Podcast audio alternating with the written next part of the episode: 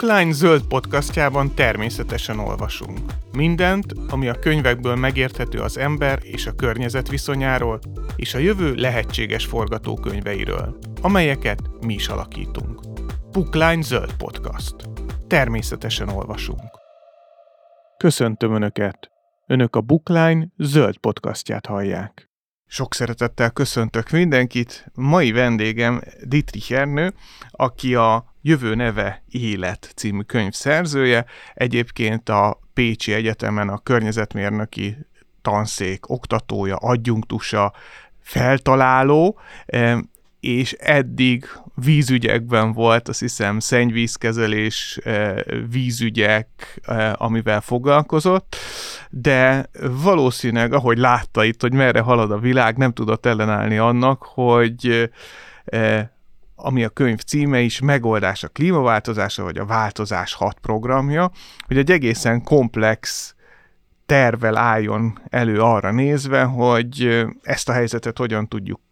kezelni, és nem csak 2050-ig, ahogy nagyon sok EU-s vagy ENSZ-es terv teszi, hanem ezen is kicsit túl tekint. Nagyon örülök, hogy itt vagy velem, tegeződni fogunk ezen a beszélgetésen, és elsőként talán térjünk ki arra, ami egy nagyon praktikus felvetés a könyvvel kapcsolatban, hogy százszázalékosan újra hasznosított papírra készült, és az első kérdésem, hogy könnyű volt egyébként százszázalékosan újra hasznosított papírral kinyomtatni ezt a könyvet? Először is üdvözlöm a hallgatóságot, nagyon jó érzés, hogy itt lehetek, köszönöm szépen. Igazándiból a,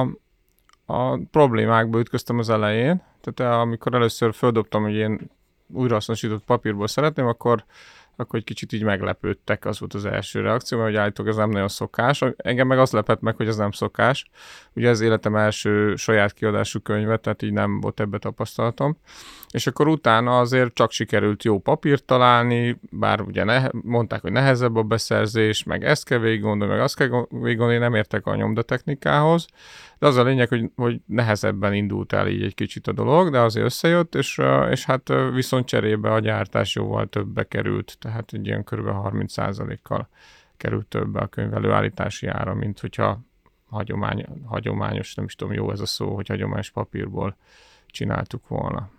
Az az érdekes egyébként, hogy pont az Európai Unió az, ami a papír újrahasznosításban elől jár. Tehát, hogyha EU-s számokat nézzük, az utolsó, amit látom, az ilyen 74%-os újrahasznosítás, vagy egy másik érdekes adat, amiket nagyon szeretek, hogy mondjuk, ha valaki újrahasznosított papírról olvas újságot, akkor az 7 nap alatt visszakerül hozzá mondjuk egy szerencsésebb történelmi fejlődésű országban. Tehát pont a papír újrahasznosítása az, ami működik, és pont a papír újrahasznosítása az, ami a fenntarthatóságnak nagyon sok kérdésére eh, ráirányítja figyelmünket. Az első ezek közül, amivel, amiről sokat beszélgettem, ez a kompartmentalizáció nevezető jelenség, ami nek ugye sokféle jelentése van, van biológiai jelenség, jelentése van a szervezet szociológiában, jelentés például a Manhattan projekt az ilyen kompartmentalizált volt, hogy senki nem tudta, mit csinál a másik, aztán végül elkészült az atombomba. És ugye itt ebben az esetben pedig a fenntartatóság esetében azt értjük, hogy valaminek van egy hatása, amire nagy fókusz irányul, jelen esetben mondjuk az, hogy ez újrahasznosított legyen, vagy hogyha a széndiokszid lábnyomát nézzük, nézzük ennek. Ugyanakkor meg sokszor figyelmen kívül hagyunk más szempontokat, ami a újra papírnál egy ilyen vitatott kérdés egyáltalán, hogy mi a jobb, mert annyiféle tényezőtől függ. Például, hogyha fenntartható fa termelésből vagy fakitermelésből származó papírból csináljuk, vagy pedig vagy pedig újra papírból, mert az újra papírnál is ez nagyon érdekes, hogy amivel nyomtatják, ugye akár az offset technikánál, akár ez a poros nyomtatásnál, utána nem lehet eltávolítani a papírról ezt a, e, ezt a nyomdafestéket, ami azért eléggé káros még mai napig is, és ha el akarjuk távolítani, meg óriási mennyiségű vizet igényel. Tehát valószínűleg ez is a magyarázat arra, hogy nem olyan könnyű itt Magyarországon újra papírt találni. Ráadásul nálunk azt hiszem e, körülbelül az 50 a hasznosul újra a papírnak, tehát nagyjából 24 kal vagyunk elmaradva az Európai Uniótól, de megoldódott, úgyhogy ez, ez egy igazi Don Quixote-i küzdelem volt akkor, hogy ez meglegyen, és itt van ez a könyv vágjunk is bele akkor magába a tartalmába, miután megnéztük, hogy miből készül a könyv. Az elején, bár én sok helyen olvastam azért a klímaváltozásról, de mindig melbe vágja az embert, hogy milyen forgatókönyvek várnak ránk. Mi, mik ezek a forgatókönyvek, amikkel számolnunk le, ha változtatunk, és mik, amik, ha nem. A könyvem az kettő szélső értékben gondolkodik. Az egyik az a jövő, ami akkor, akkor várható, ha mindent ugyanúgy folytatunk változtatás nélkül, ahogy most élünk. Hogyha ezt így csináljuk, akkor nem nagyon van mind gondolkodni. 2040 és 50 között lesz egy, egy borzalmas, mély, hirtelen jövő ilyen világégésszerű összeomlás, ami amire hiába gondolják a gazdag országok, hogy majd ők ezt megúszszák. Látjuk, hogy például az egy egyszerű lokális helyzet, egy ilyen orosz-ukrán háború is mennyire durván megborítja az egész világgazdaságot, tehát ehhez képest sokszoros léptékű összeomlásokról lesz szó, tehát dominó elv alapján a világgazdaság össze fog omlani. Ezen, ezen sokan még így próbálnak polemizálni, hogy nem így lesz, meg nem úgy lesz, de szerintem teljesen egyértelmű. Nagyon sokféle módon megtámasztja a könyv, alátámasztja ezeket a tényeket, és nyilván egy összeomló gazdasági rendszerben, meg egy egyre dinamikusabban változó klímarendszerben, meg egy mögötte lévő összeomlás alatt lévő ökológiai rendszerrel az emberiség esélyei hirtelen nagyon összeszűkülnek a jövő tekintetében ez az egyik alternatíva. Ennek nyilván következménye lesz, összeomlik az egészségügy, nyilván következménye lesz, hogy irányosan drága lesz, a, sokba fog kerülni a víz, az energia, egy csomó minden, tehát alapvetően egy idő után, ha ez tovább feszül, akkor ez a közbiztonság felborulását is fogja okozni. És hát ez egy ilyen anarchikus állapotot feltételez 2050 környékére, ez az egyik irány. Most lehet, hogy ez ugye az optimisták szerint csak 2080, a pessimisták szerint meg már 2040, de hogy nem nagyon van nagyobb mozgásterünk, hogyha így élünk, akkor ez lesz. Igen, és ez az anarchia, ez nagyon érdekes kérdés, ezen én sokat szoktam gondolkodni, ugye, hogy például ez az energiaválság, ez egyben a problémának a megoldása irányába is mutat, hiszen ahogy eh, drágább lett az energia, megpróbálunk spórolni, eh, hatékonyabban energiát felhasználni, a megújulók felé mozdulni,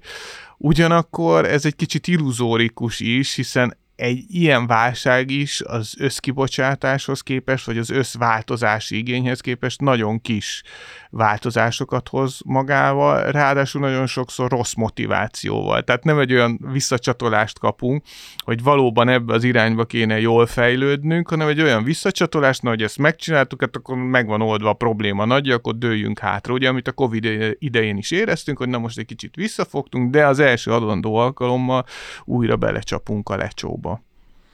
Hát igen, azt gondolom, hogy ezek a válságok ezek nem, nem segítenek, ráadásul vannak nagyon kemény negatív visszacsatolódások is, mert lehet, hogy spórolunk, de közben egy csomó ember mondjuk elkezd szemetet égetni, mert nincs pénze tűzifára, vagy ugye láttam videót az interneten nemrég, hogy Oroszországban hogy fákjáznak el millió köbméter mennyiségű gázt, ahelyett, hogy eladnák Európának, tehát alapvetően az ilyen válsághelyzetben mindig felerősödik az, az egyéni önzés, mert ugye rá vagyunk kényszerülve, tehát ez még, még jobban az önzést erősíti az életünkben, társadalmi szinten is, egyén szinten is, család szintjén is, települések szintjén is, és ennek az lesz az a következménye, hogy, hogy tovább mélyül a probléma. Tehát lehet, hogy, hogy mondjuk ha csak az energiaszámlát nézzük, hogy az energiafogyasztásból, mondjuk gázfogyasztásból eredő kibocsátást, akkor az csökken, de össztársadalmi szinten szerintem a helyzet az romlik. A az egyik fő okként arra, hogy ide jutottunk, és még lejjebb tudunk jutni, a versenyt jelenen, jelölöd meg, hogy ez mindenfajta versenyre vonatkozik, tehát a gazdasági verseny, ami nem feltétlenül jól vagy rosszul versenyzünk, tehát erre bizonyos mértékig szükség van, vagy hogyha nézzük, akkor mindig van egy együttműködés és verseny arány egy társadalomban, és a kettőnek az arányát kéne valahogy az együttműködés irányába eltolni. Én azt gondolom, hogy, hogy a verseny, az a gazdasági verseny, az alapvetően a fejlődésünk motorja volt mondjuk 10-20 évvel ezelőttig, de ez a, ez a fajta versenyalapú gazdasági társadalmi berendezkedés, ez most már nem szolgálja a fejlődésünket. Ugye az evolúciót eddig úgy képzeltük el, hogy a darwini alapelvek szerint, hogy az evolúció az a, alapvetően a versenyre épül. És ennek a mintájára készítettünk egy, egy közgaz, Adam Smith egy közgazdasági rendszer tulajdonképpen, aminek aminek, aminek a következményeit éljük. De ma már az ökológusok egyre több konferencián, egyre több cikkben ezt megkérdőjelezik, sőt, egyre több szerző tudományos cikkekben is állítja, hogy, hogy az evolúció motorja, valódi motorja az az együttműködés, nem a, nem a, a versengés. És alapvetően azok a fajok és azok az életközösségek tudnak hosszú távon az evolúciós struktúrában bennmaradni, amelyek jól tudnak együttműködni abban az életközösségben, ahol élnek. Alapvetően az emberem mondjuk ez most pont nem jellemző. És azt gondolom, hogy akkor fogunk tudni mi is, mint emberiség, hosszú távon fennmaradni, hogyha az együttműködés elvei szerint élünk, nem a versengés elvei szerint élünk. És a könyvemben gyönyörűen le van írva, hogy hogyan lehet átállni egy olyan társadalomra, ahol, ahol a versengés helyett a, az együttműködés a fő mozgatórugó, nyilván fokozatosan, mert most az első halásra egy mai embernek ez furcsa. És egyébként társadalmi szinten is nagyon sok káros visszahatása van a versengésnek, tehát én én az egészen a sporttól kiindulva a társadalom összes többi szegmensében ezt a túlzott, egymást eltaposó versenyt betegesnek tartom, és, és az emberiség lelkére, a lelki állapotára vonatkozóan egy csomó negatív visszahatása van.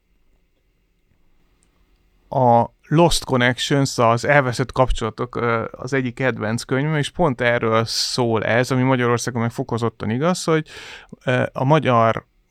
ilyen attitűd kutatások szerint rendkívül státuszféltőek vagyunk, tehát félünk attól, hogy egy rangsorban lejjebb kerülünk, elveszítjük azt, amit megszereztünk, és a az evolúció során is ez a versengés ugye azért volt fontos, hogy ezekben egy adott fajon belül, hogy ezekben a rangsorokban milyen helyet foglalunk el. Ki az alfahím, ki a nem alfahím, de egy alfahímségnek az elvesztése, mondjuk a csimpánzoknál, ez egészen durva depressziós, szorongásos tüneteket vált ki, van amelyik csimpánzak elkezdett hullani a szőre, valaki elhagyta a csapatát, és a pusztába e, e, ment, és szinte öngyilkosságot követett el, és tényleg ez egy nagyon érdekes felvetés, és szerintem abszolút jogos, hogy ezt a azért kicsit evolúciósan is kódolt dolgot civilizációsan tudjuk ellensúlyozni, és egy jobb életet elérni, hiszen nekünk vannak azért alternatíváink ahhoz képest, hogy túléljünk, nekünk az is alternatív, hogy jól éljünk, hiszen ez minden megvan, csak rossz értékek mentén próbáljuk ezt csinálni. És pont ennek a szimbóluma egy kicsit az agglomeráció, a jelenlegi agglomeráció, ahol a jelenlegi problémáinkat nem megoldjuk, hanem kiszervezzük. Nem, amikor nem egy városban élünk, ahol minden adott lenne ott a város szövete, és nem ezt az infrastruktúrát fejlesztjük, próbáljuk a mi képünkre átalakítani, hogy legyenek fák, legyen élhető, legyen sok gyerekkel élhető az a környezet, hanem minden kiköltözünk, ezzel forrásokat vonunk el a várostól, hiszen Budapest lakossága is folyamatosan csökken, bent irreális, gentrifikálódó ingatlanpiacok jönnek létre, vagy szlömösödés, az agglomerációban pedig egészen furcsa, ezt szoktam ilyen homo suburbicusnak nevezni, amikor nem nem élelmiszer termelünk, hanem gyepet, nem őshonos fafajokat, hanem tujákat, és kimentünk a jó levegőre, majd 45 percen keresztül a rossz levegőben ülünk azért, hogy megközelítsük azt, ahol dolgunk van. neked viszont egy teljesen más elképzelésed van az agglomerációról, és egy teljesen új értelemben használod ezt a könyvben, hogy a te elképzelésed mi és mitől lesz más és működőképes.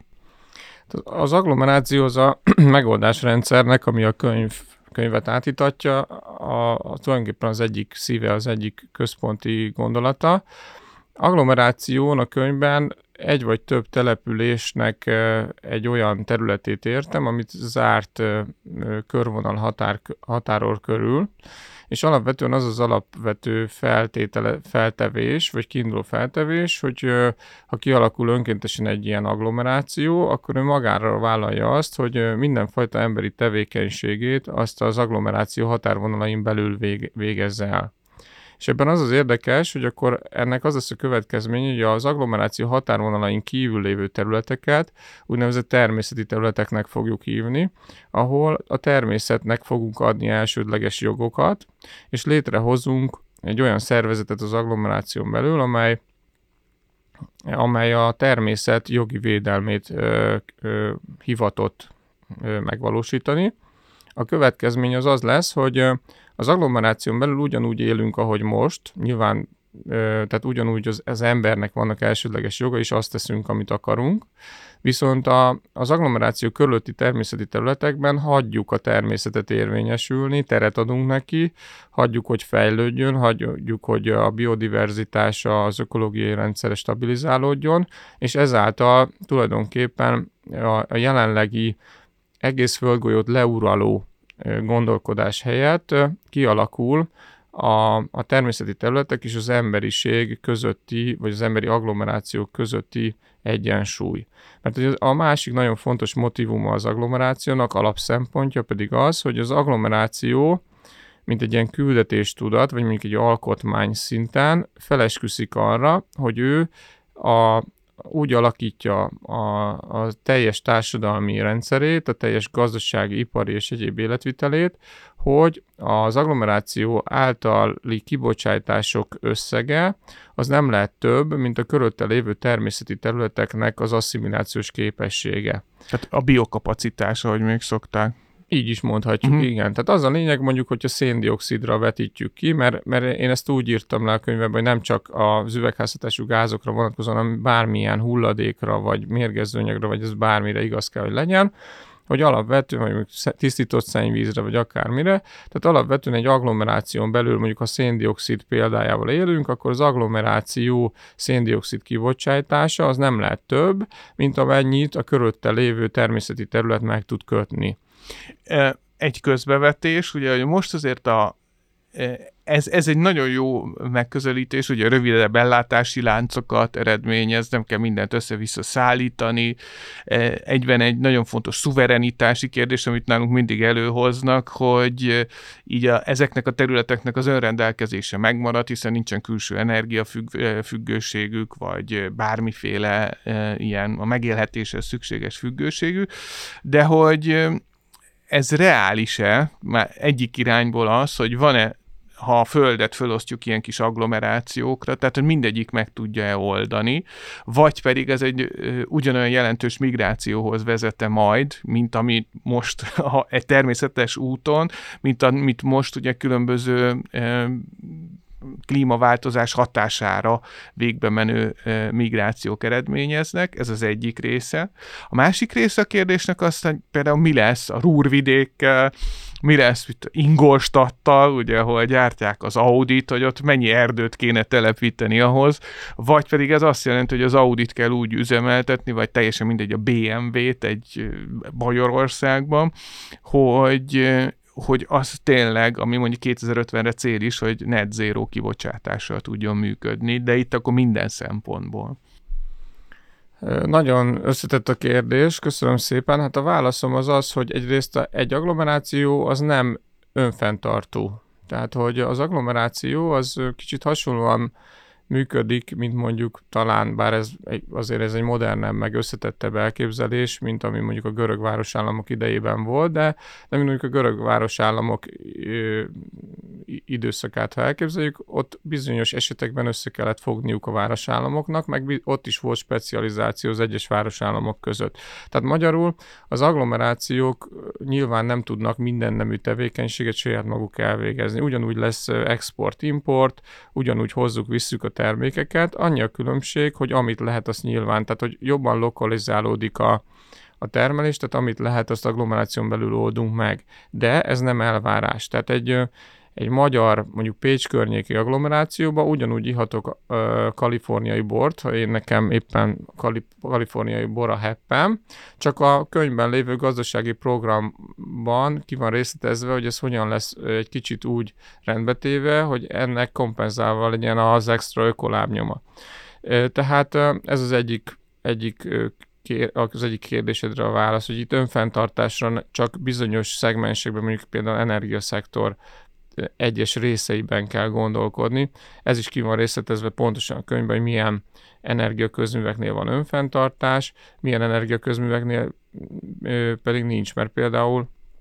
van a könyvben egy globális energiahálózat, egy villamos energiahálózat is, ami pedig kötelezi az agglomerációkat az energiahálózat csatlakozására. Tehát a teljes önfe- tehát hogy nem, nem önálló szigetekként működő agglomerációkat képzelek el, hanem egy, egy olyan agglomerációs hálózatot, amely tulajdonképpen ugyanúgy, mint az emberi testben a, a sejtek egy nagy rendszert alkotnak, ugyanígy az agglomerációk az emberi, a globális emberi társadalomnak a sejtjei. A másik kérdésedre a válasz ez a, hogy elindul-e ilyen népvándorlás, vagy egyéb ilyen,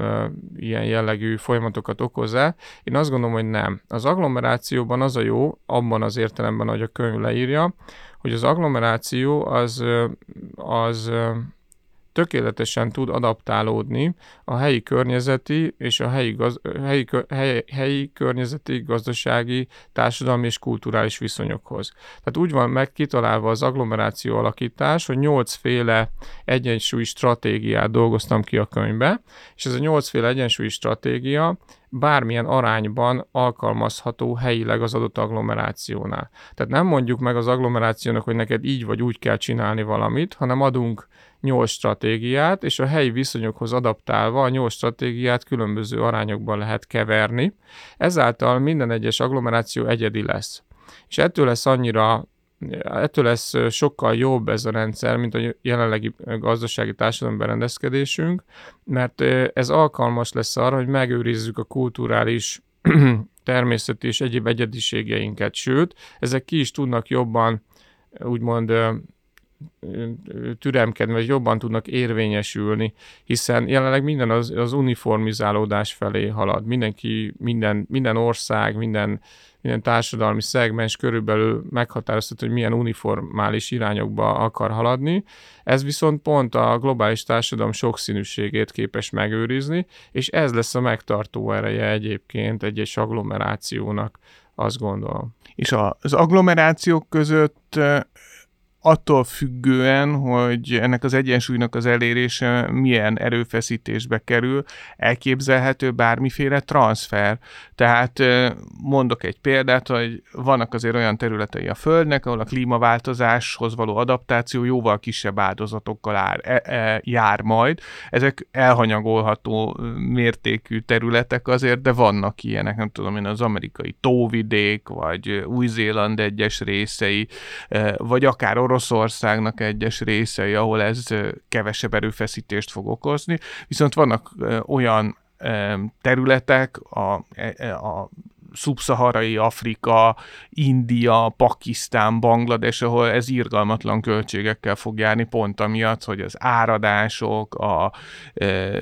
a természet okozta gigantikus károk, amiknek a gyökereit ugye, hogyha megkapargatjuk egy kicsit, az a egyes agglomerációk, vagy a területükön korábban található bármiféle államalakulatok által okozott kár volt. Ugye, hogy akkor vagy ők ezt oldják meg maguknak a helyi egyensúly alapján. Ö, nem, semmiképpen nem. Ö, meg, meg most eszembe jutott, hogy még az egyik kér, részkérdésre nem válaszoltam. Most visszakérdezek, hogy erre válaszoljak el, vagy az Audisra, mert ez is egy fontos kérdés, hogy az Audi hogy fogja megoldani a Rúrvidéken, vagy ott a német, Németország szívébe a sok erdőtelepítést az egyensúlyhoz. Azt megválaszoljam most, vagy? Na persze, persze, jó, jó, akkor hal- haladjunk lépésről tehát, lépésre. Tehát ugye, ugye a nyolc agglomerációalkotási stratégia között ö, sok, tehát ez is ki van dolgozva, hogyha például van egy olyan hatalmas ipari cég egy agglomerációban, aminek a legjobb elérhető technika elvei mellett is akkora kibocsátása, hogy a környezet természeti területekkel így az agglomeráció nem fog soha egyensúlyba kerülni, akkor ugye a cégeknél ö, alapvetően előkerül egy ilyen, egy ilyen termelés ö, kihelyezési kényszer. Magyarul egy ilyen Audi gyár ebben az esetben azt tudja csinálni, hogy a termelési kapacitásának egy részét kiviszi olyan agglomerációkba, ahol még van szabad természeti kapacitás. Hogyha mondjuk globálisan nézzük, akkor például Afrika az egyetlen olyan földrész, ahol még több a, a természet asszimilációs képessége, mint amennyi a kibocsátás. Az összes többi földrészen fordítva vagyunk. Nyilván korreláció van a szegénység és a kibocsátás mértéke között, tehát ez a legszegényebb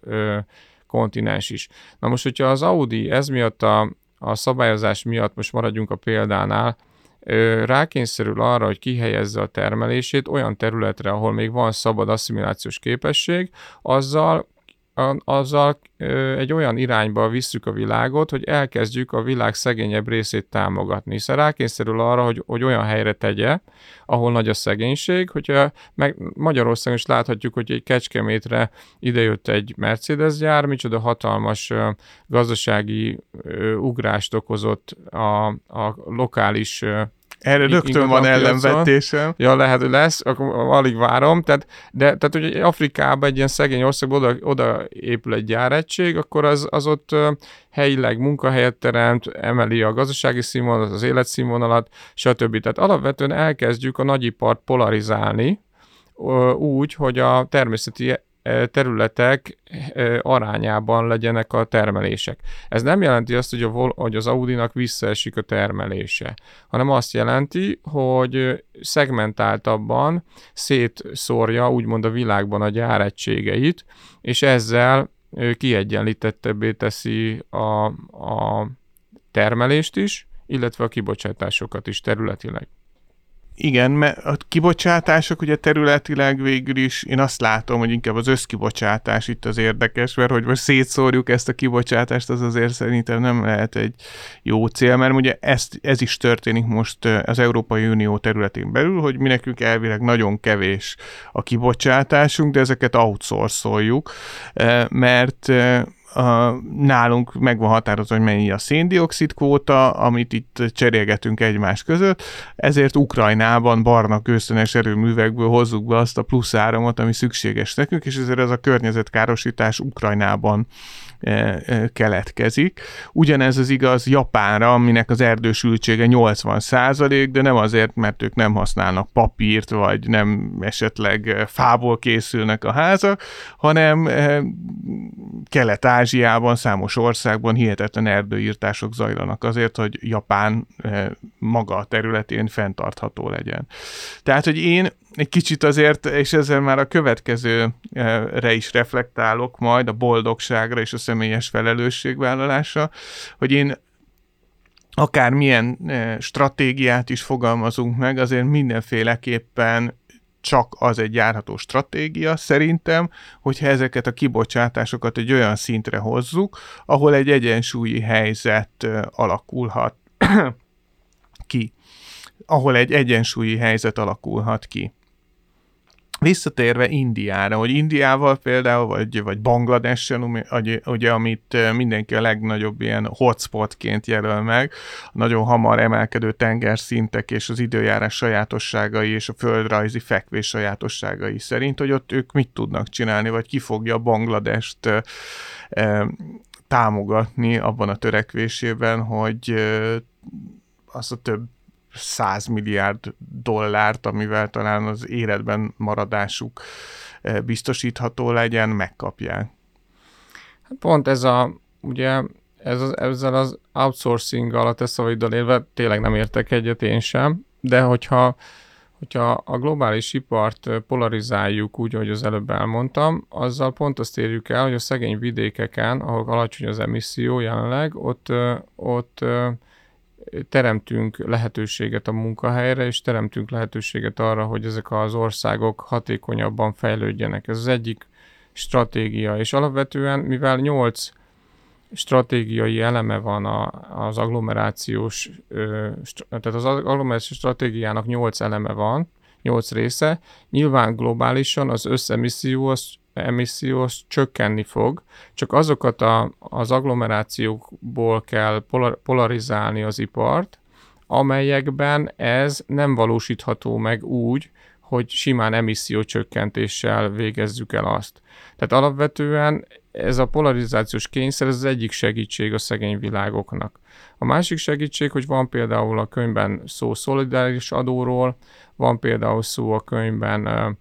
agglomerációk közötti együttműködésről, tehát annyiban különbözik a, ez az így kitalált társadalom, amiben nyilván fokozatosan tudunk átállni, hogy az agglomerációk nem versengenek egymással, mint ahogy most a nemzetek teszik, hanem az agglomerációk egy nagy rendszer részei, mint egy sejtjei. Ugye, hogyha az emberi testben a sejtek elkezdik fölmondani, elkezdenek átmenni az önzés világába, és elkezdik föladni azt a feladatot, amiben ők ők működnek, akkor azt a betegséget hívjuk ráknak. És ez nyilván pillanatok alatt el, elpusztítja az egész emberi testet. Most ugyanez a helyzet, ugyanez a helyzet a globális emberi társadalommal is, hogyha most ilyen párhuzamokat akarunk keresni, hogy ez a nemzetek közötti végtelen önzés, ez, ez hajtja a világot egy ilyen pusztulás felé. Most az agglomerációk azok, azok fölesküsznek nem csak arra, hogy egyensúlyt tartanak a, a körülöttük lévő természettel, hanem hogy a globális célokat, ö, azokat előre helyezik, és vannak olyan helyzetek, például természeti katasztrófák, vagy mondjuk például az óceánok védelme, amelyeket egy-egy agglomeráció önmagában nem tud megvalósítani. Tehát ilyenekhez összefogás kell, és az agglomerációk, mivel ezt vállalásként teszik, ezért ebben ők részt vesznek, aktívan részt vesznek. Nyilván ilyenkor jön az a sztori, hogy ki milyen arányban, meg egyebek, de ezeket a könyv elég szépen és részletesen és szabályok szintjén részletezi. És akkor Banglades bízhat a szolidaritásban? Hát abban a, abban a társadalmi berendezkedésben igen, ebben a társadalmi berendezkedésben, amivel most élünk, ebben nem. Tehát ebben uh-huh. ugyan, ugyanaz a romló, pusztuló tendencia lesz, ami, ami most is van. Esetleg ilyen kis, kapnak ilyen kis díszsegélyeket az ENSZ-től, meg innen-onnan, de nem, nem lesz uh, rendszer szintű változás. A rendszer szintű változáshoz az egész rendszernek kell fokozatosan átalakulnia. Ugye nem, lehet, hogy ez egy ilyen idealizált rendszernek tűnik ilyen rövid beszélgetés alatt, de pontosan a könyvben ki van az is részletez, hogy hogyan lehet eh, fokozatosan, demokratikusan a mostani rendszerből oda átállni, amiről már több aspektusból beszéltünk. Igen, mert talán ez a legfőbb kérdés, hogy az ilyen változásokat, az ilyen nagy társadalmi változásokat úgy lehet megcsinálni, hogy aki ezt végrehajtja, annak nagyon nagy a legitimitása, tehát aki a közösség megválaszt erre, és úgy gondolja, hogy ezt a célt követni kell, és ahhoz azért a közösség tagjainak is, vagy legalábbis a kritikus tömegnek változnia kell, és ahhoz, hogy ezeket jó szívvel végrehajtsák, ahhoz meg tényleg alapvetően kell megváltoznia, hiszen a normakövetésnek azért, ha, hogy ne öljünk embert, azért nem feltétlenül nem azért nem ölünk embert, mert a BTK bünteti, hanem azért van egy belső norma is, ami ezzel a büntető törvénykönyvi tényáll ajánlással összhangban van. És ugyanitt a fenntarthatóság is egy ilyen kérdés, hogy hiába, ahogy te fogalmaztál, esküsznek föl ezek a agglomerációk erre, hogyha ezek a fölesküvések gyakorlatilag most is megvannak, nagyon kevés államnak nincs benne az alkotmányában, hogy védi a környezetet, tiszteli a, általában azoknak a, az államoknak a leghosszabb az alkotmánya, akik a legdurvábban megsértik őket. Volt erre egy felmérés, és azok a legcifrább e, és legdemokratikusabbnak tűnő alkotmányok, de hát e, e, általában az írott jog az nem mindig esik egybe a valósággal. És itt is, itt el is érkeztünk a következő kérdéshez, hogy lelkileg eh, hogyan leszünk olyanok, hogy egy ilyen nagymértékű változást legitimáljunk. Tehát mi kell ahhoz, hogy mondjuk a társadalom olyan állapotban legyen, hogy ezeket a változásokat nem hogy elfogadja, de némileg kezdeményezi is. Ez a kérdésre ugye a könyvben a Boldogság program ad választ, hiszen a változás hat programja azért az a cím, mert hat fő programban sorolja a megoldásokat, és ez a hat program egymást segíti, és a, a Boldogság program az tulajdonképpen ö, azzal foglalkozik, hogy hogyan tudunk lelki rezgésszintben egy társadalmi ugrást megvalósítani, mert David R. Hawkins, egy amerikai pszichiáter professzor kidolgozott a kineziológia hajnalán egy rendszert, amivel mérhető az embereknek a lelki rezgés szintje. És ez a rendszer, ez egyébként működik a saját életemből, tapasztalom, mióta használom ezt a rendszert, nagyon sok felé egyértelmű saját gyakorlati tapasztalatból is tudom, hogy ez egy, ez egy működő dolog. A kineziológia tudománya meg ma már elfogadott, például az élsportolók edzéséhez is használják, meg most már egyre több helyen az alternatív gyógyászatban, meg egy csomó csomó szegmensben. Tehát az a lényeg, hogy, hogy a jelenleg a globális világ átlag lelki rezgés szintje az körülbelül ilyen 180-190-es érték körül mozog, ami az, azért izgalmas, mert 200-as lelki rezgésszint érték alatt az emberek ösztönösen életpusztítók és 200-as lelki rezgésszint fölött kezdenek az emberek ösztönösen, belülről fakadó igényként élettámogatókká válni. És ez az izgalmas, hogy most jelenleg körülbelül 8 milliárdan élünk a Földön, 180-190-es globális ö, átlaggal, ami azt jelenti, hogy soha nem élt ennyi ember a Földön, úgy, hogy, mi, hogy átlagban lelki rezgésszintünk az életpusztító szinten van.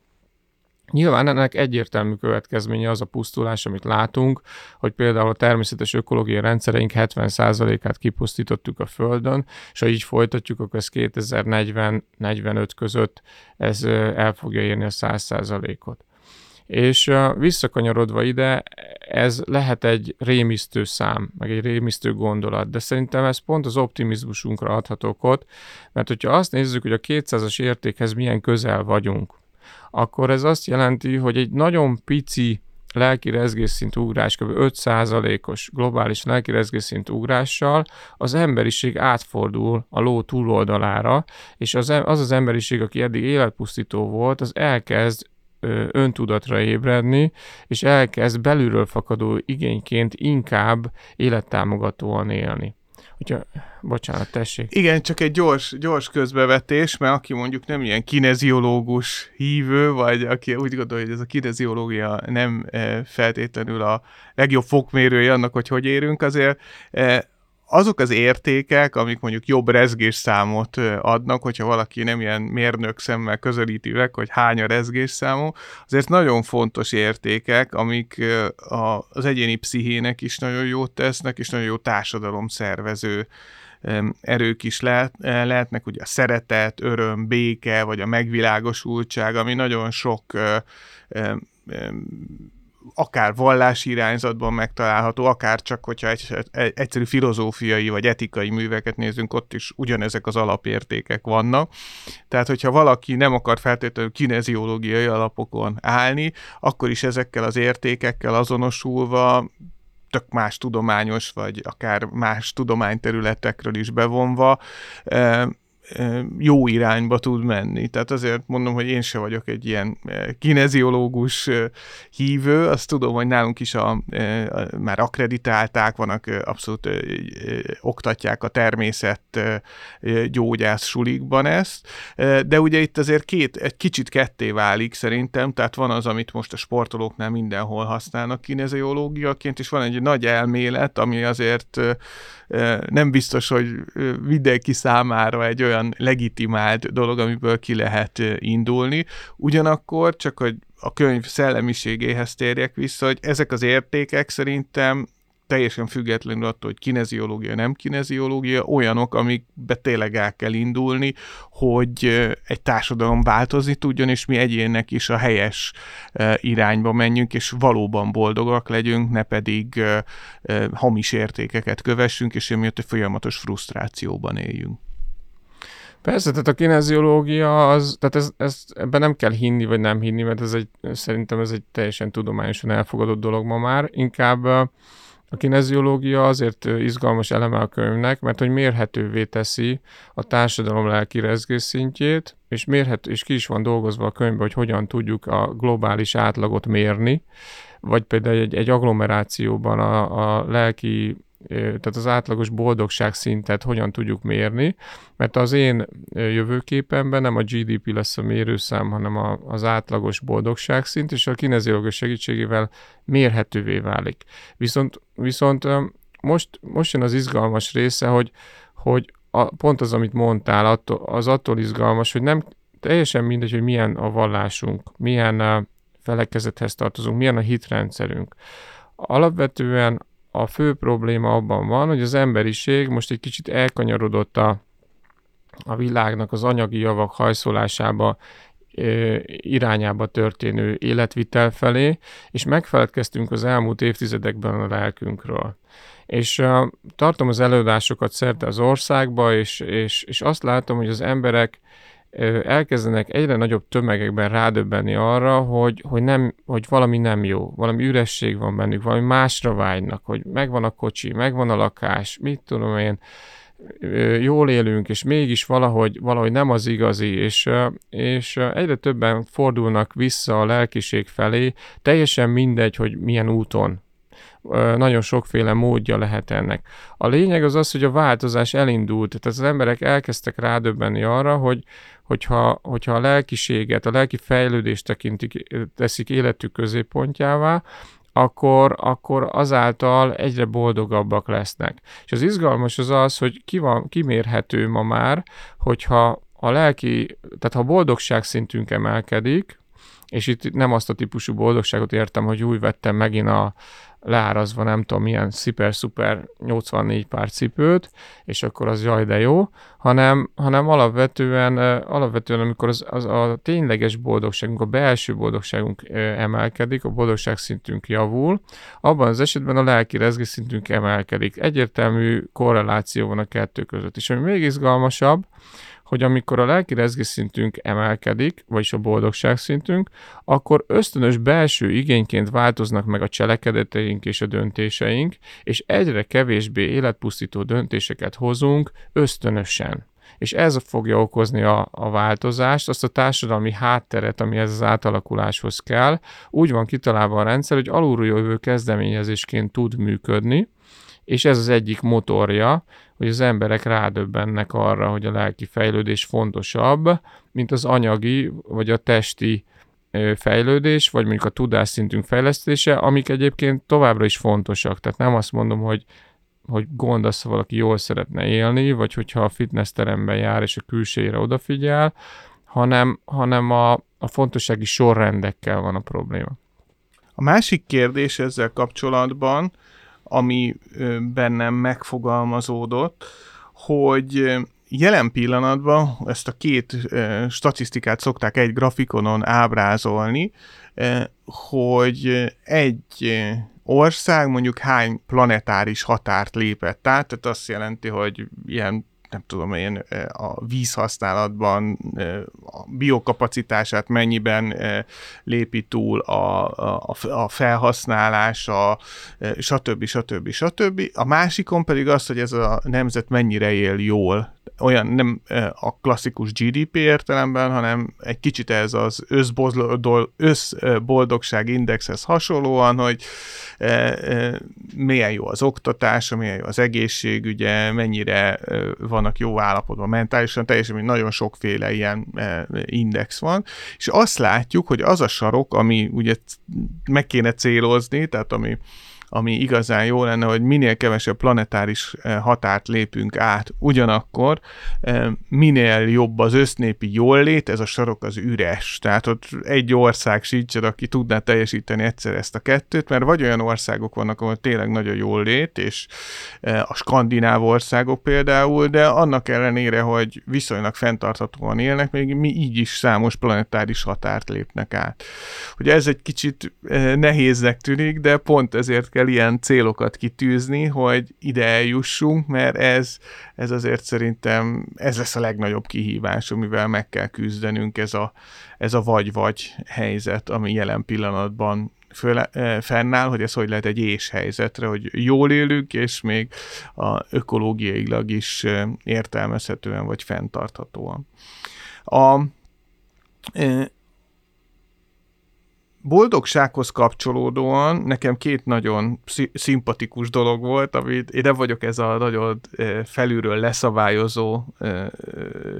párti, de a média etikai kódex, mint nekem is, aki a médiában dolgozik, szerintem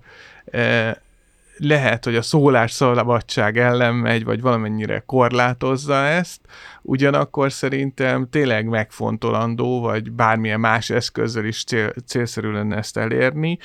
hogy ez a fajta ezek a fajta tömeges üzenetek, amik minket érnek, akár szerintem az egyik legnagyobb probléma a fogyasztásnak a boldogsággal való e, egyenlővététele, és egy nagyon rossz életstratégiának a propagálása. Másrésztről pedig a, e, az a töménytelen agresszió, amit e, látunk a televízióban, és bár ezt is nagyon sokan vitatják, hogy az agresszió vajon agresszióhoz vezet az emberekhez, de én szerintem az agresszió mindenféleképpen egy rossz lelki állapothoz vezet az emberekben. És erről szól ez a médiaetikai kódex, ami egy kicsit a boldogságot segíthetné elé, elő. Igen, a, a sok, a sok tényleges aktivitás között egy egy fontos elemként megjelenik a társadalmi programban a médiaetikai kódex, de ezt is alulról jövő kezdeményezésként képzelem el, nem egy ilyen fölülről jövő kemény szabályrendszerként, mert én azt gondolom, hogy a médiaetikai kódexhez való csatlakozást lehet támogatni mondjuk adókedvezményekkel, vagy egyéb más motivációs eszközökkel, meg ugye vannak olyan adóformák a könyvben, amelyek azokra terhel rá extra adót, akik a média, média etikai kódexhez nem csatlakoznak. Tehát, hogyha mondjuk én továbbra is, mondjuk a te példáddal élve a fogyasztást erősítő, egyébként az, emberiség, az emberek pszichéje mélyére ható brutál reklámokat csinálok, amik teljesen szinte beégetik az adott márkát az embernek a fejébe, és a legmélyebb érzéseivel élnek vissza, akkor azt továbbra is megteheti a cég, de akkor ennek a könyvben pontosan ki van dolgozva a rendszere, hogy akkor ennek az emberi lélekre való károkozását a cégnek ki kell fizetnie. Igen, és itt jövünk. És, és itt, itt kapcsolódunk be az etikai kódexben, hogy, hogy önérdek lesz az, és egy idő után már, már az ilyen cégeket, akik ilyen reklámokkal jelennek meg, azokat már ösztönösen fogják taszítani az emberek, mert rá fognak döbbenni, át fognak látni a szitám. Én nem vagyok ilyen optimista. Itt több, több, több ellenérvem is van egyébként, okay, okay. csak aki így régebben foglalkozom médiajoggal. Ugye a médiajogban mindig volt egy ilyen eh, eh, törekvés arra, hogy szabályozzuk ezeket a dolgokat. Itt beszélhetünk a gyermekek védelméről, vagy ugye a hirdet, tiltott hirdetésekről, vagy az hirdetések idősávjának megállapításáról, vagy akár a cigarettáról, aminek ugye gyakorlatilag most teljesen visszaszorult a hogy a dohánytermékeknek a hirdetési lehetősége, de ez nem mindig van egyenes arányban azzal, hogy mondjuk hányan dohányoznak, vagy nem, de mindenféleképpen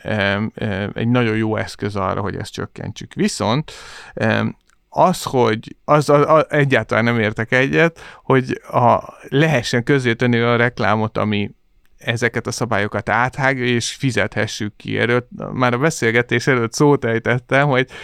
ez, ez az úgynevezett offsettinget is nagyon rosszul használjuk. Az offsetting azt jelenti, hogy okozok valamilyen kárt, de ezt valamilyen módon megválthatom. Például én elrepülök New Yorkba, de tudok venni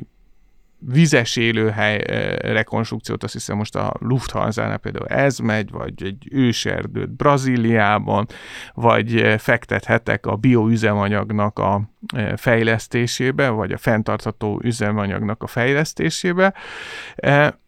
és Lengyel Tamás barátomat idéztem, aki e, e, gyerekkora óta ismerem, és emlékszem, hogy tizenéves korában e, kezdett el dohányozni, de minden cigi után bevett egy C-vitamint. Ő ebben hitt, hogy ő ezzel offsetteli ezt a kibocsátását, és nyilván ez az offsettelés, ez szerintem akkor elfogadható, hogyha az ember már helytelenül élt egy ideig,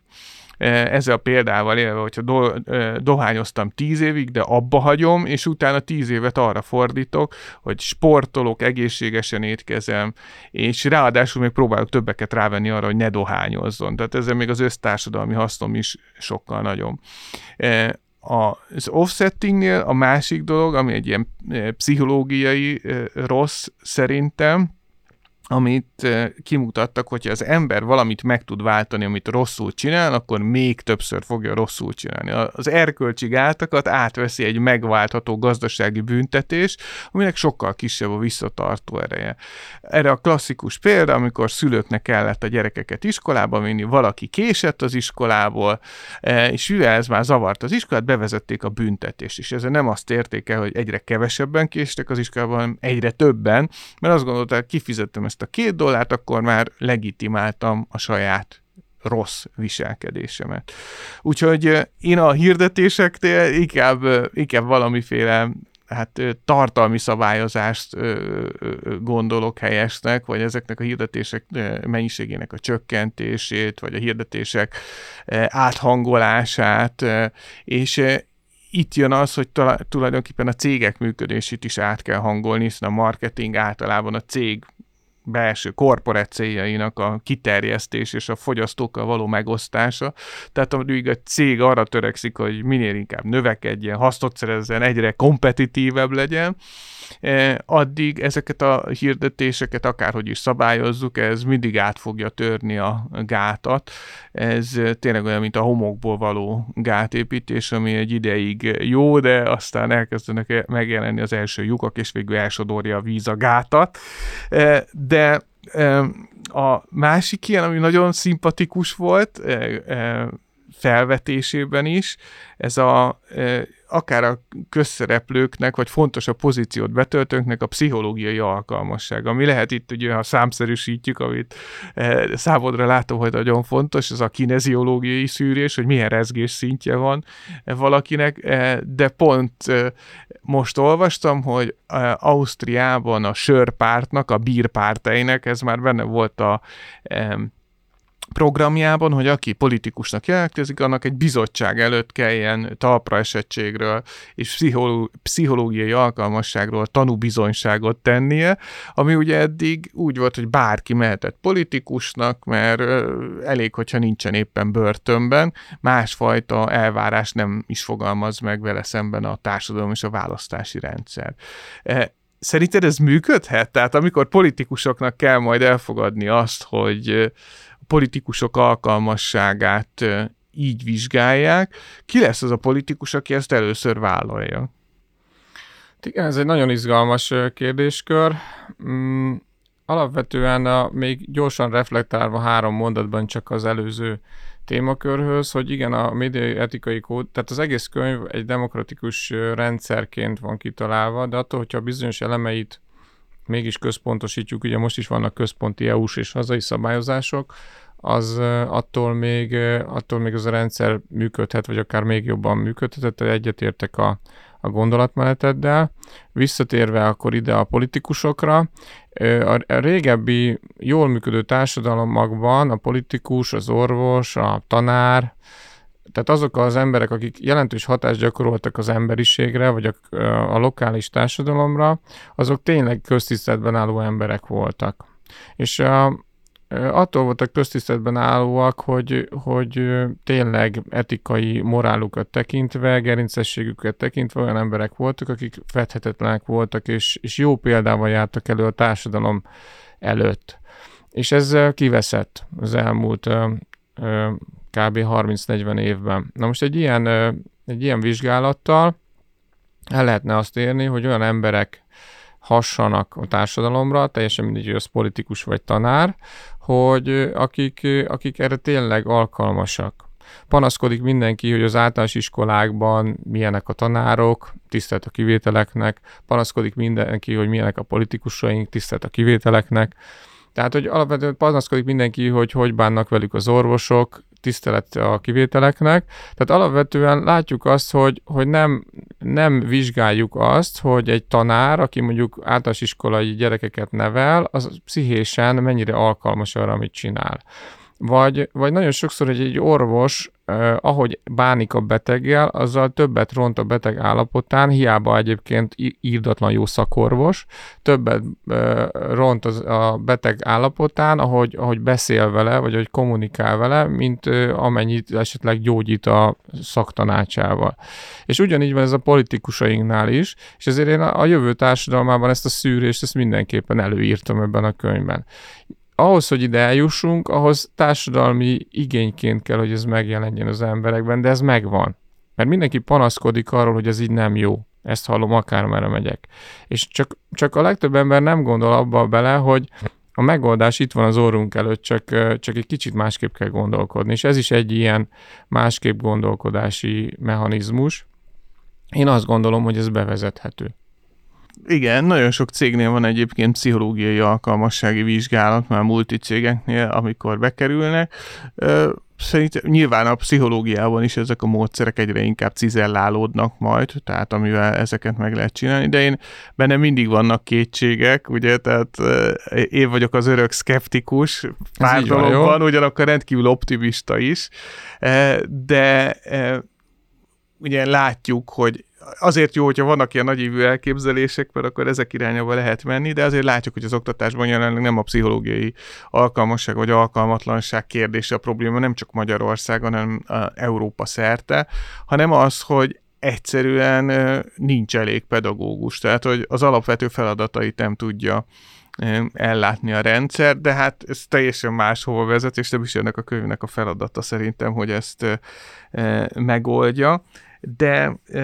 ezt azért tényleg, főleg a politikusoknál, akik egy társadalom arcát tudják formálni, ezt azért lehet, hogy bevezetném. Ugyanakkor arról sem szabad elfeledkezni szerintem, hogy ez egy azért körkörös hatás, tehát hogy a társadalom általában olyan politikusokat eh, választ, akik az ő néplelkének eh, megfelelnek nem mondom azt, hogy egy minőségi ugrás abban, hogy kit lehetne megválasztani, eh, nem vinné ezt előre, de azért eh, az már évszázadok óta megfigyelés, hogy nem véletlenül azok lesznek egy nép akaratának megtestesítői, akiket a nép megválaszt, vagy éppen megtűr hosszabb időn keresztül. És e, e, még néhány kérdés, az, az egyik például a népesség kérdése, ugye ami tulajdonképpen az egyik elindítója volt ennek az egész ökológiai mozgalomnak, vagy a fenntarthatósági mozgalomnak, ugye ez a Population Bomb című könyv, ami arról szólt, ugye, hogy a, a világ népesség, ezt a 60-as évek végén jelent meg, a világ népessége elér majd egy ilyen tipping pointot, egy ilyen, amikor telítődik, amikor mindannyian éhen fogunk halni, rettenetes gazdasági összeomlás következik, óriási forradalmakkal, népmozgalommal és a többi, és utána ez nem következett be, ami nem jelenti azt, pont szerintem az az érdekes, hogy ez nem fog bekövetkezni, vagy nem ilyen formában fog bekövetkezni, ráadásul azóta ez cizellálódott is, ugye, hogy nem feltétlenül a népesség, hanem a fogyasztás és a népesség összefüggései azok, amik ezt a tipping pointot el fogják hozni, de hogy a népességnél mi a javaslat, hogy ne népesedjünk tovább, csökkenjünk, stagnáljunk. Itt a másik nagy félelem, hogyha egy országban stagnál a fiatalok száma, kevesebb az új születés, akkor az gyakorlatilag a növekedés motorját veszi el, ki fogja eltartani a nyugdíjasokat, hogyha nincsenek fiatal generációk, ami Kínában is most a növekedés egyik legnagyobb gátja az, hogy nagyon kevés eh, gyerek született. Eh, mi erre a, mit, mit mond erre a könyv? Tehát a népességprogram az ugye megoldja a globális túlnépesedés problémáját demokratikusan, három szabályra alapozva, három alapelvre, amit most így részleteiben nem akarok belemenni, nyilván a podcast időigényét miatt, de hogy mondjuk az egyik szabály az például csak a legrövidebben bemutatható, az az, hogy a, az ingyenes fogamzásgátlás az ma már bizonyított, hogy a, a globális összes lehetséges klímavédelmi intézkedés közül a második leggazdaságosabb. Tehát az első leggazdaságosabb a napenergia hasznosítás, és utána a, a, az ingyenes fogamzásgátlás a második még egy, az ingyenességnél rögtön közbevetem, hogy ez is egy érdekes elképzelés, hogy ez egy nagyon hatékony módszer, de ugye az ingyenesség önmagában sosem elegendő. Mondom például... is kell hozzá, Igen, persze. tehát hogy nagyon, hát három vagy négy tényezőnek kell összejönni ahhoz, hogy az ingyenesség az egy igazi igazi eh, megoldás legyen, vagy az ingyenes megoldást választák az emberek. Ugye mondhatnám a luxemburgi tömegközlekedést, ahol ingyenes a tömegközlekedés, mégis nagyon sokan járnak autóval, ugye az, hogy ez elérhető legyen, tehát hogy ne úgy legyen, hogy csak a fővárosban van egy patika, ahol ez az ingyenes termék elérhető, az emberek tudjanak róla, és ráadásul ez a kultúra részévé váljon valahova, hogy ez nem egy státuszszimbólum, hogy én autóval járok dolgozni, hanem ez a kultúra kultúrám része, hogy a tömegközlekedést veszem igénybe, és ráadásul még ennek a szolgáltatásnak a színvonala sem mindegy, tehát nem mindegy, hogy milyen az az ingyenes fogamzásgátlás. De ennek ellenére abszolút egyetértek ezzel, hogy ez egy nagyon fontos tényező lehet. Hát igen, a, a program ugye azt is, azzal is foglalkozik, hogy ez, hogy, hogy ez hogyan, hogyan tud a társadalomban igényként, belső igényként megjelenni, és hogyan fogják ezt az emberek automatikusan használni, de jelenleg az látszik, hogy, hogy több, mint a, a, született gyerek, tehát mondjuk 10 jelenleg születő gyerekből 7 körülbelül nem vár gyerek. Tehát, tehát alapvetően a leg, nagyon sok családban és nagyon sok régióban a világban nincsenek megadva a családtervezés lehetőségei. Az anyák ki vannak szolgáltatva. Tehát ez, ez nem csak a, nem csak klímavédelmi kérdés, hanem az átlagos boldogság szintre, vagy a, a társadalmi békére és harmóniára is nagyon keményen kihat, mert bizonyított tény, hogy a nem várt gyerekek, ha megszületnek, akkor teljesen más pszichés állapottal jönnek a világra, és olyan mély sebekkel indulnak, amiket egész életükben nem tudnak rendbe tenni magukban. Tehát ez egy csomó addikcióhoz vezet, ez egy csomó társadalmi kihatá, kihatás, negatív kihatáshoz vezet. Ugye azt is bizonyítja a könyv, hogy minél több addikciónk van, vagy minél több lelkisérülésünk van, ösztönösen annál többet fogyasztunk. De most egy kicsit elkanyarodtam, tehát az eredeti kérdésedre, hogy visszamenjek, ugye a népesség fogyással az a nagy probléma, hogy a nyugati világban a népesség fogyást ezt egy ilyen, ezt egy ilyen borzalomként élik meg.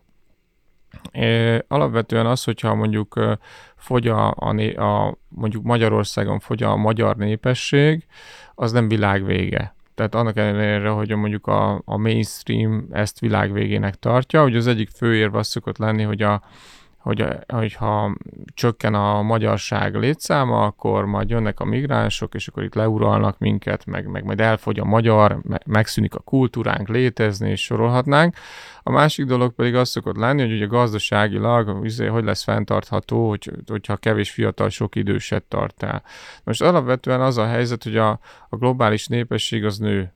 és a globális népesség nő, és hogyha nem a, nem a, a másságnak a, tehát a különbözőségnek a felerősítése lenne a, a, az alaptársadalmi attitűd, tehát a, hanem a másságnak a tisztelete. Ugye jelenleg erre, ezzel kapcsolatban az LMBTQ irányban nagyon sok kezdeményezés van, de ez az egész világunkra jellemző, hogy mindenkitől rettegünk, aki más, mindenkit megítélünk, akit, aki más, mindenkit címkézünk, aki, aki más. Most, hogyha a lelki rezgésszintünk emelkedik, most visszamegyek a boldogság programhoz egy nagyon kicsit csak, akkor ösztönösen ez megváltozik bennünk. Tehát a másságot azt nem elkezdjük egy idegen, rossz, borzalmas dolognak megélni, hanem elkezdjük ezt a másságot tisztelni. Nem kell egyetértsek, a, a, hogyha mondjuk például mondjuk én keresztény vagyok például, és mondjuk egy, egy, egy iszlám vallásban hívő embernek a vallásával, ettől még nekem nem kell egyetértenem. Viszont tudom tisztelni az ő vallásában a szépséget. És, és ez úgy csatol ide-vissza, hogy, hogy a, mivel a globális népesség nő, ezért alapvetően alapvetően a népesség csökkenés, munkaerő hiánya az beintegrálással nagyon egyszerűen megvalósítható. Több nyugati ország ebben egyébként sikeres és, és alapvetően ez miatt, ez miatt, amíg ki nem alakul a maximális globális népesség, nem kell félnünk a népesség csökkenéstől. Ez az egyik, ez a gazdasági része. A kulturális része pedig az, hogy az agglomerációk, amiket a könyvben definiáltam, azok pont a helyi kulturális és és egyéb helyi specialitásoknak a fenntartására lesz igazán jó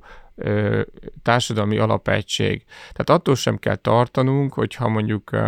a népesség elkezd fogyni, mondjuk Magyarországon, akkor kiveszik a magyar kultúra. Most, hogyha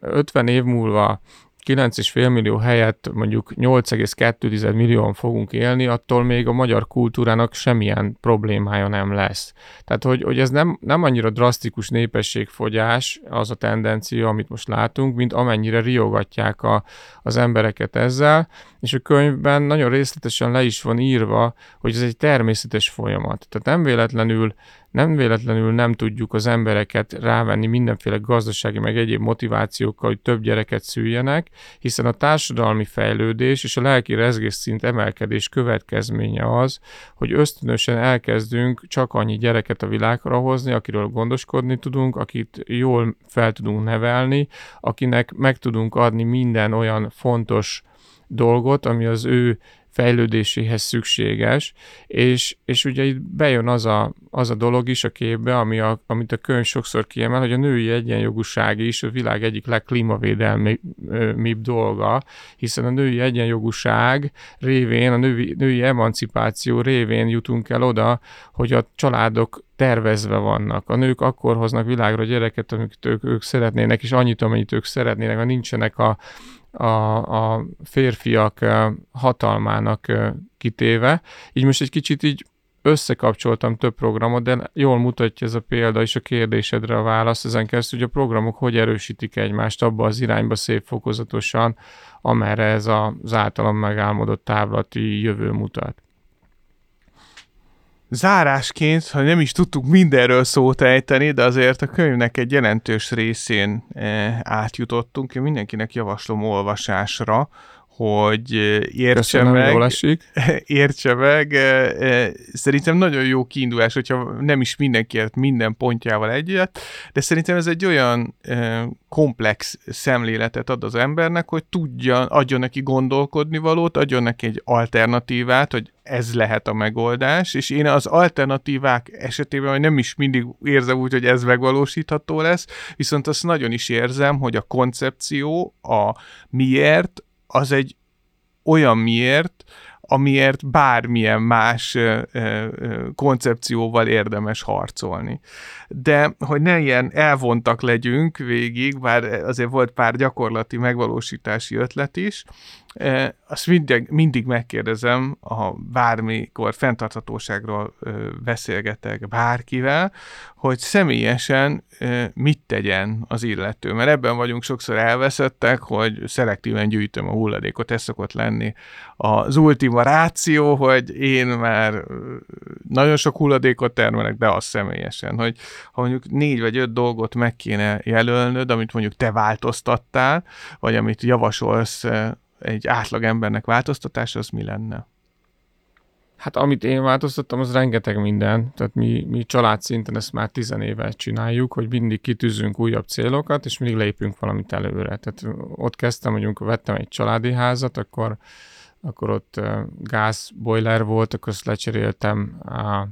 napkollektorra, hőpufferrel, akkor utána, utána korszerűsítettem a fűtést, hőszigetelés, izé, nyilászáró csere, napelemek, most például emeltem a betáp teljesítményt, hogy elektromos autót vehessünk, mert ugye túl lassú a töltés a jelenlegi betáp teljesítménynél. Most, most építik éppen a házamnál a napelem töltéshez szükséges, vagy a, bocsánat, az elektromos autó töltéshez szükséges többlet napelemet, akkor leszoktunk a marhahúsról, leszoktunk a tejfogyasztásról családi szinten, minimalizáltuk a tejtermékeket, komposztálunk, most vettünk el a telkünk mögött egy nagyobb földet, elkezdünk tavasztól megpróbálni bioélelmiszert előállítani magunknak, és, és,